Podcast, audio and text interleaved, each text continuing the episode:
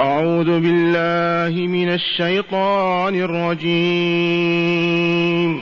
وكذلك نولي بعض الظالمين بعضا بما كانوا يكسبون. يا معشر الجن والإنس ألم يأتكم رسل منكم ۖ ألم يأتكم رسل منكم يقصون عليكم آياتي وينذرونكم وينذرونكم لقاء يومكم هذا قالوا شهدنا على أنفسنا وغرتهم الحياة الدنيا وشهدوا على أنفسهم وشهدوا على أنفسهم أنهم كانوا كافرين. ذلك أن لم يكن ربك مهلك القرى بظلم وأهلها غافلون. ولكل درجات مما عملوا وما ربك بغافل عما يعملون. معاشر المستمعين والمستمعات من المؤمنين والمؤمنات قول ربنا جل ذكره وكذلك نولي بعض الظالمين بعضا بما كانوا يكسبون.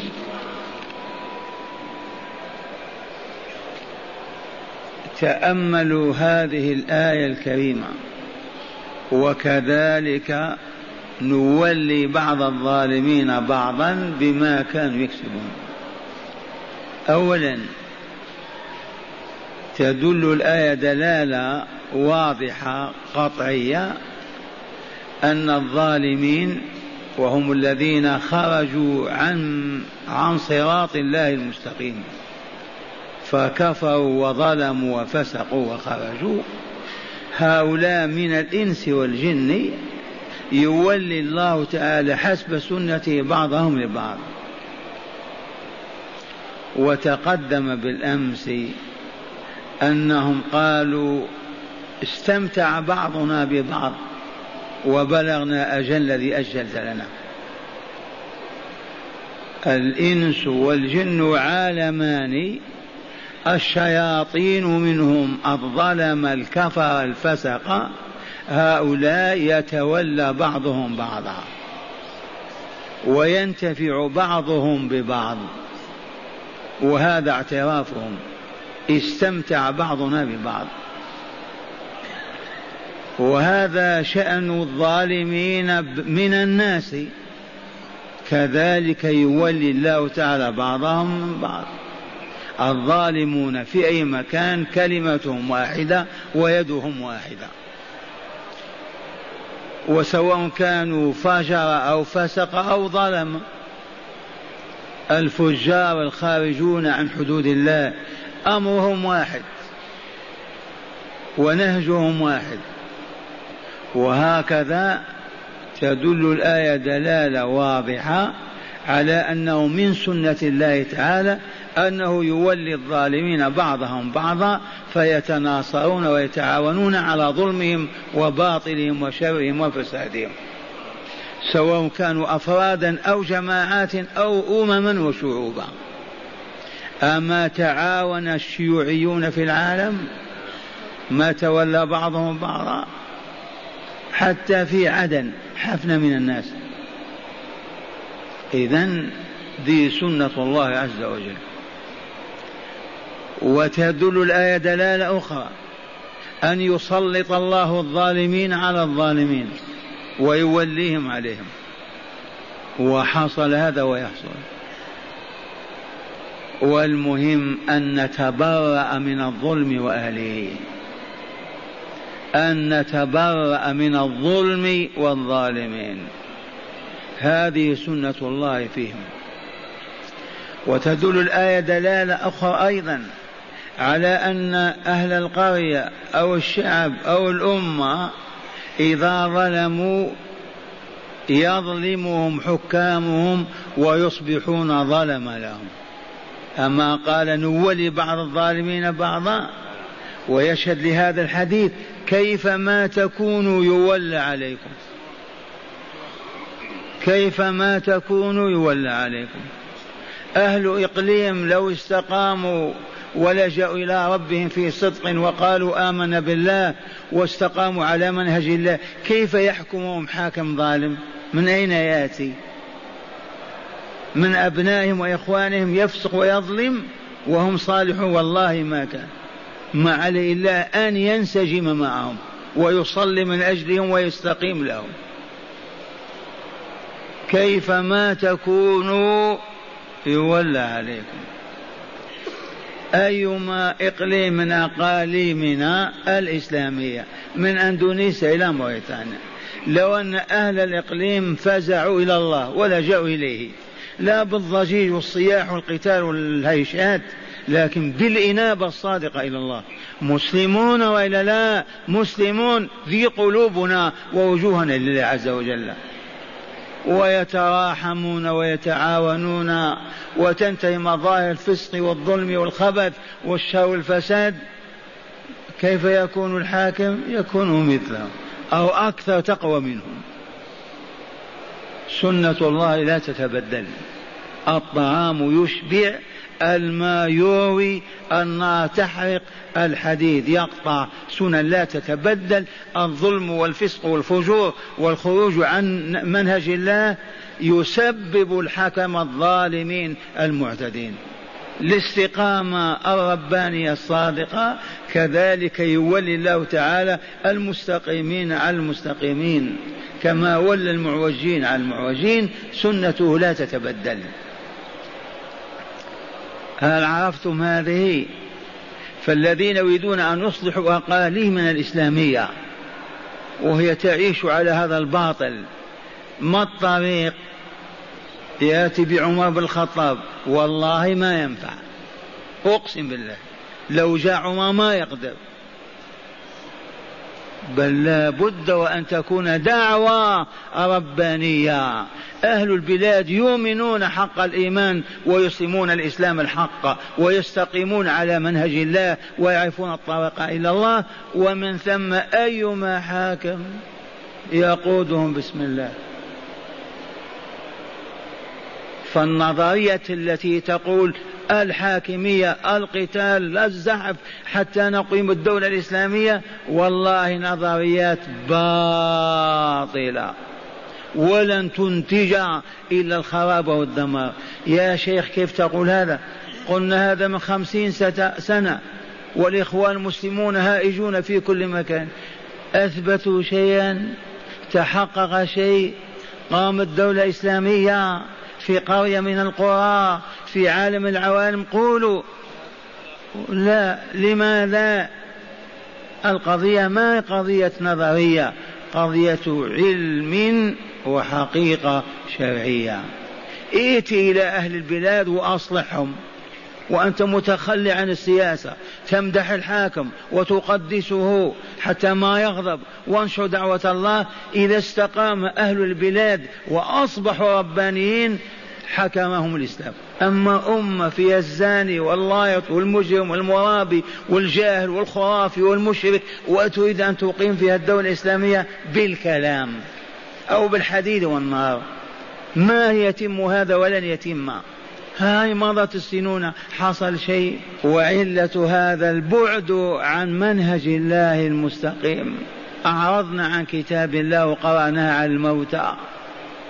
وهجرنا آياه وما تتبعنا نوره ولا هداه فنتخبط في حيرتنا ذي اللفظة وحدها. وكذلك نولي من الذي يولي الرب جل جلاله.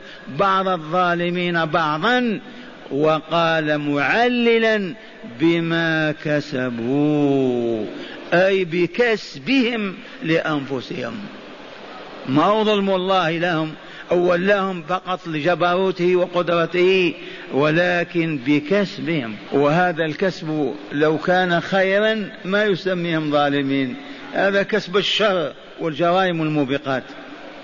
سلط الله بعضهم على بعض أول بعضهم بعضا وتناصروا وهكذا معاشر المستمعين والمستمعات. فهمتم من هذه الآية ما قلت لكم؟ وكذلك نولي بعض الظالمين بعضا بما كانوا يكسبون. قالوا في عرصات القيامة ربنا استمتع بعضنا ببعض خدمونا وخدمناهم عاونونا وعاوناهم وقفوا إلى جنبنا ووقفنا إلى جنبهم. هؤلاء عالم الإنس والجن باعترافهم. فهم الآن أيضا ينصر بعضهم بعضا. أيما يوجد ظلم وظلم إلا وأهله ينتصرون لبعضهم البعض. ولكن قد تمضي فيهم سنة أيضا أن يسلط الله بعضهم على بعض فيدمر بعضهم بعض. ووقع في التاريخ ويقع. واللطيفة التي ما ننساها كيف ما تكونوا يولى عليكم. لما فجرنا وفسقنا وأشركنا بربنا وعبدنا القبور وظلم بعضنا بعضا وانتشر فينا الفساد سلط الله علينا أوبا. من هولندا إلى إيطاليا وأسبانيا. سادونا وحكمونا والا لا. لماذا هذا؟ قولوا. لأننا انحرفنا. فسقنا وخرج عن طريق الله. ما أصبحنا أولياء لله. يوجد بيننا أولياء وصالحون. رحمهم الله. فسلط أوروبا علينا حتى خف ذاك الضغط والتنكيل والتعذيب الذي كان بين المسلمين. ما تعرفون هذا أنتم؟ كان الإنسان من قرى إلى قرى إذا لم يدفع جيزة ما يمر. اللصوص والمجرمون في الطرقات في كل مكان. في المدينة قالوا يأخذ الباب ويبيعه. وإياك أن تقول هذا بابي. هبطت هذه الأمة هبوطا كاملا. إذا فتدبير العلي العظيم الحليم الكريم أن سلط عليهم من شاء أن يسلط. واقرأوا وكذلك نولي بعض الظالمين بعضا. بكسبهم بما كانوا يكسبون.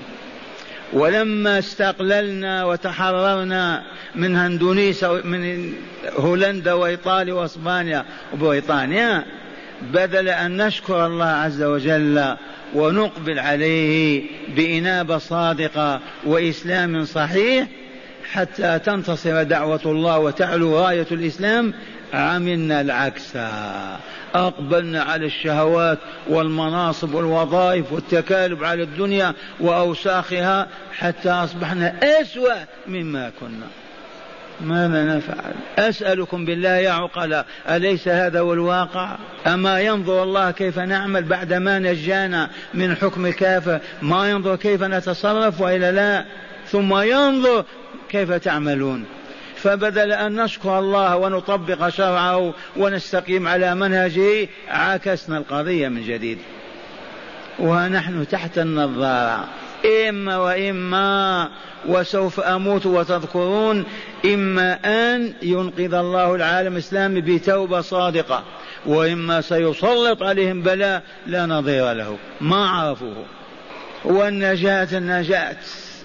كل بلد فيه مؤمن عليه أن يطلب النجاة لنفسه. يتبرأ من تلك التكتلات والأباطيل والتراث ويلزم باب الله عز وجل حتى يتوفاه الله مسلما. ثم قال تعالى يا معشر الجن والإنس يناديهم الرب تبارك وتعالى سواء بنفسه أو بواسطة ملكه. هذا النداء في عرصات القيامة. في ساحة فصل القضاء والحكم الأخير. يا معشر الجن والإنس ألم يأتكم رسل منكم يقصون عليكم آياتي وينذرونكم لقاء يومكم هذا؟ هذا الاستفهام للتقريع والتقرير وإلى لا. ألم يأتكم رسل منكم؟ الجن من الجن والإنس من الإنس. وهنا انتبه. لم يكن للجن أم للجن أنبياء ورسل مصطفون ولكن نذر يأخذون العلم من النبي والرسول الآدمي ويبلغونه ويعتبرون رسلا لهم. ألم يأتكم رسل منكم يقصون عليكم آياتي كيف يقصونها لأنهم يتتبعون آية بعد آية. هذه في الطلاق هذه في الحلال هذه في الحرام هذه في العقيدة وهكذا. قص وتتبع. ما هي مجرد تلاوة. يقصون كما تقص الأثر في الطريق وتتبعوا. يتتبعون كل مقومات حياتكم. آداب أخلاق شرائع عقائد. يقصون عليكم آياتي وينذرونكم أي عواقب لقاء يومكم هذا. أما كان الرسول أما كان الدعاة إلى اليوم ينذرون الناس من الفسق والفجور والظلم والشرك والباطل لأن عواقبه مرة وعواقبه مدمرة. ينذرونكم لقاء يومكم هذا. ووقوفكم بين يدي الله للحساب والجزاء. كان هذا ولا إيه بلى ورب الكعبة تم هذا وحصل. فماذا يقولون؟ قالوا شهدنا على أنفسنا. نعم. بعثت إلينا رسلك وأتونا. وقصوا علينا كل ما تريد أن نعلمه ونعمل به ونتقيك به يا رب العالمين. ولكن هذا الذي حصل. شهدنا على أنفسنا. قال تعالى وغرتهم الحياة الدنيا وشهدوا على أنفسهم أنهم كانوا كافرين. غرتهم الحياة الدنيا أيام كانوا فيها وشهدوا أمام الله على أنفسهم أنهم كانوا كافرين. ما معنى كافرين؟ مغنين. كافرين اولا بوحدانية الله عز وجل. ما كانوا يقولون لا إله إلا الله. ثالثا كانوا كافرين برسلهم ما آمنوا بهم ولا اتبعوهم. ثالثا كانوا كافرين بلقاء ربهم ماذا كانوا كافرين بالشرائع والأحكام التي كانت تأتيهم ويؤمرون باتباعها والأخذ بها. كل هذا أعلنوا عنه أنهم كانوا جاحدين كافرين مكذبين. مرة ثانية في هذا الموقف العظيم ما هو في الدنيا هذا؟ في عرصات القيامة في ساحة فصل القضاء يقول الرب تعالى يا معشر الإنس الجن والإنس لماذا بدأ بالجن؟ لأنهم قبل الإنس وجدوا قبل الإنس. يا معشر الجن والإنس ألم يأتكم رسل منكم يقصون عليكم آياتي وينذرونكم عواقب لقاء يومكم هذا؟ اعترفوا وإلا لا؟ قالوا شهدنا على أنفسهم. وغرتهم الحياة الدنيا أيام كانوا فيها وشهدوا على أنفسهم أنهم كانوا كافرين. والحياة الدنيا تغور وتخدع؟ إيه نعم. لا تسأل. كل تارك صلاة كل مانع للزكاة كل متعاطي ربا كل متعاطي الحشيشة كل ظالم كل فاجر مغرور مخدوع. لو عرف الحياة الدنيا لبكى في موضعه وتاب إلى الله عز وجل. يظن أنه يعيش ما زال عمر طويل وهو ما إلى ذلك. لو فكر الظالم الفاسق المجرم الملازم للمعصية أنه قد يموت الآن ويلقى ربه. لصرخ أتوب إلى الله أستغفر الله وخرج يجري في الشارع. لكن غرتهم. لا تسمح لهم أن يفكروا هذا التفكير. وشهدوا على أنفسهم أنهم كانوا في دنياهم كافرين غير مؤمنين. قال تعالى ذلك الذي سمعتم وعلمتم بسبب أن الله لم يكن مهلك القرى بظلم وأهلها غافلون. ليس من شأن الله تعالى ولا من سنته في خلقه أن يهلك أهل القرية بظلم منه وهم مستقيمون عابدون صالحون. أو لم يكن من شأنه أن يهلكهم قبل أن يبعث الرسل إليهم والنذر ينذرونهم ويخوفونهم. لا هذا ولا ذاك. ذلك الذي سمعتم بسبب أنه لم يكن ربك تعالى يا رسول الله مهلك القرى.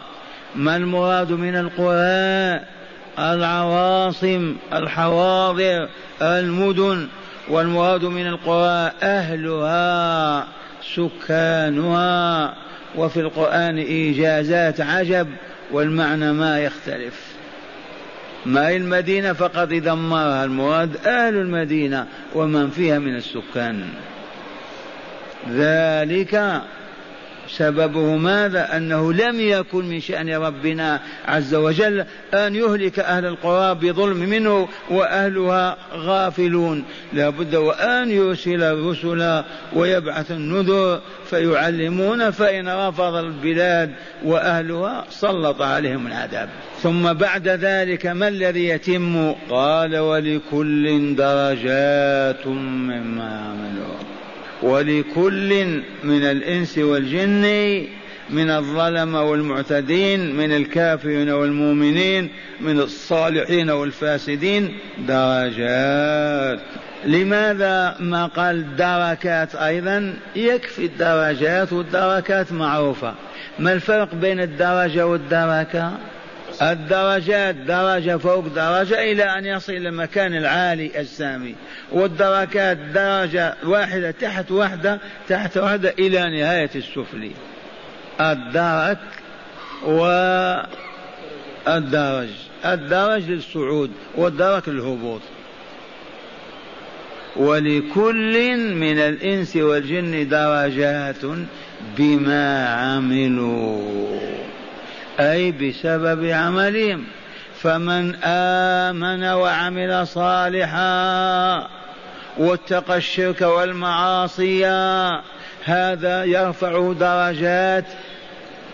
كيف نعبر عن هذه الدرجات؟ إنهم لا يتراءون منازلهم كما نترى الكواكب في السماء. لتفاوت علوها. يتنا ينظرون إلى منازل بعضهم بعض متفاوتة في السمو والعلو تفاوت الكواكب. درجات والدركات لا تسأل. في عالم الشقاء النازل الهابط إلى ما لا نهاية له. ولكل درجات زيد مما عملوا أي من أعمالهم. من أعمالهم. ثم قال تعالى وما ربك بغافل عما يعملون. الإنس والجن البار والفجر المؤمنون والكافرون الموحدون والمشركون العالم كله بين يدي الله. وهو عليم بسلوكهم وأعمالهم فلهذا يتم الجزاء وفق علم الله عز وجل. فآمنوا واطمئنوا. اسمعوا تلاوة الآيات وكذلك نولي بعض الظالمين بعضا بما كانوا يكسبون. فحسنوا كسبكم إذن. يا معشر الجن والإنس ألم يأتكم رسل منكم يقصون عليكم آياتي وينذرونكم لقاء يومكم هذا؟ إي والله بعثت وأرسلت. هذا محمد عندنا. قالوا شهدنا على أنفسنا ونعوذ بالله أن نكون ممن غرتهم. الحياة الدنيا. فاشتغلوا بالباطل والشر والفساد معرضين عن ذكر الله ولقائه وعبادته. وشهدوا على أنفسهم أنهم كانوا كافرين. ذلك السبب أنه لم يكن ربك مهلك القرى بظلم وأهلها غافلون. لا بد وأن يرسل الرسل ويبعث النذر من الجن يعلمون ويقصون ويبلغون ثم إذا أصر أهل البلاد على الكفر وعلى الشرك والباطل دمرهم. هذا في الدنيا. ذلك أن لم يكن ربك يا رسول الله مهلك القرى بظلم وأهلها غافلون. وأخيرا ولكل درجات مما عملوا. وما ربك بغافل عما يعملون. هيا نستنتج نتائج هداية هذه الآيات. تفطنوا يقول أولا بيان سنة الله تعالى في أن الأعمال هي سبب الموالاة بين الإنس والجن. فذو العمل الصالح يوالي أهل الصلاح وذو العمل الفاسد يوالي أهل العمل الفاسد. من أين أخذنا هذه؟ هذه حقيقة تحلف بالله وتقول هي حق. سنة الله في أن الأعمال هي سبب الموالاة بين الإنس والجن. فذو العمل الصالح يوالي من؟ أهل الصلاح وذو العمل الفاسد يوالي أهل العمل إلى الآن بين الإنس والجن لن تتبدل سنة الله. هذا دل عليه قوله تعالى وكذلك نولي بعض الظالمين بعضا بما كانوا يكسبون ثانيا التحذير من الاغترار بالحياة الدنيا. الآية فيها التحذير وإلا لا منين؟ من الاغترار بالحياة الدنيا فالذين تكالبوا عليها وأعرضوا عن الآخرة ونسوها يعملون الليل والنهار يشفون صدورهم في شهواتهم ولا يذكرون الله والدار الآخرة. مغرورون وإلا لا؟ مخدوعون. ما هي بدائمة ولا باقية ولا أنتم فيها خالدون. ثالثا بيان العلة في إرسال الرسل وهي إقامة الحجة على الناس وعدم إهلاكهم قبل الإرسال إليهم. من أين أخذنا هذه الهداية؟ ذلك أن لم يكن ربك أي أنه لم يكن ربك مهلك القرى بظلم وأهلها غافلون. لا بد من إرسال الرسل وإنذار النذر حتى يعرفوا ثم يهلكوا أو ينجحوا. رابعا الأعمال بحسبها يتم الجزاء فالصالحات تكسب الدرجات العلى والظلمات ظلمات الشرك والكفر تكسب ماذا؟ الدركات السفلى. فالصاعدون بعملهم والهابطون بعملهم. لكل نفس ما كسبت.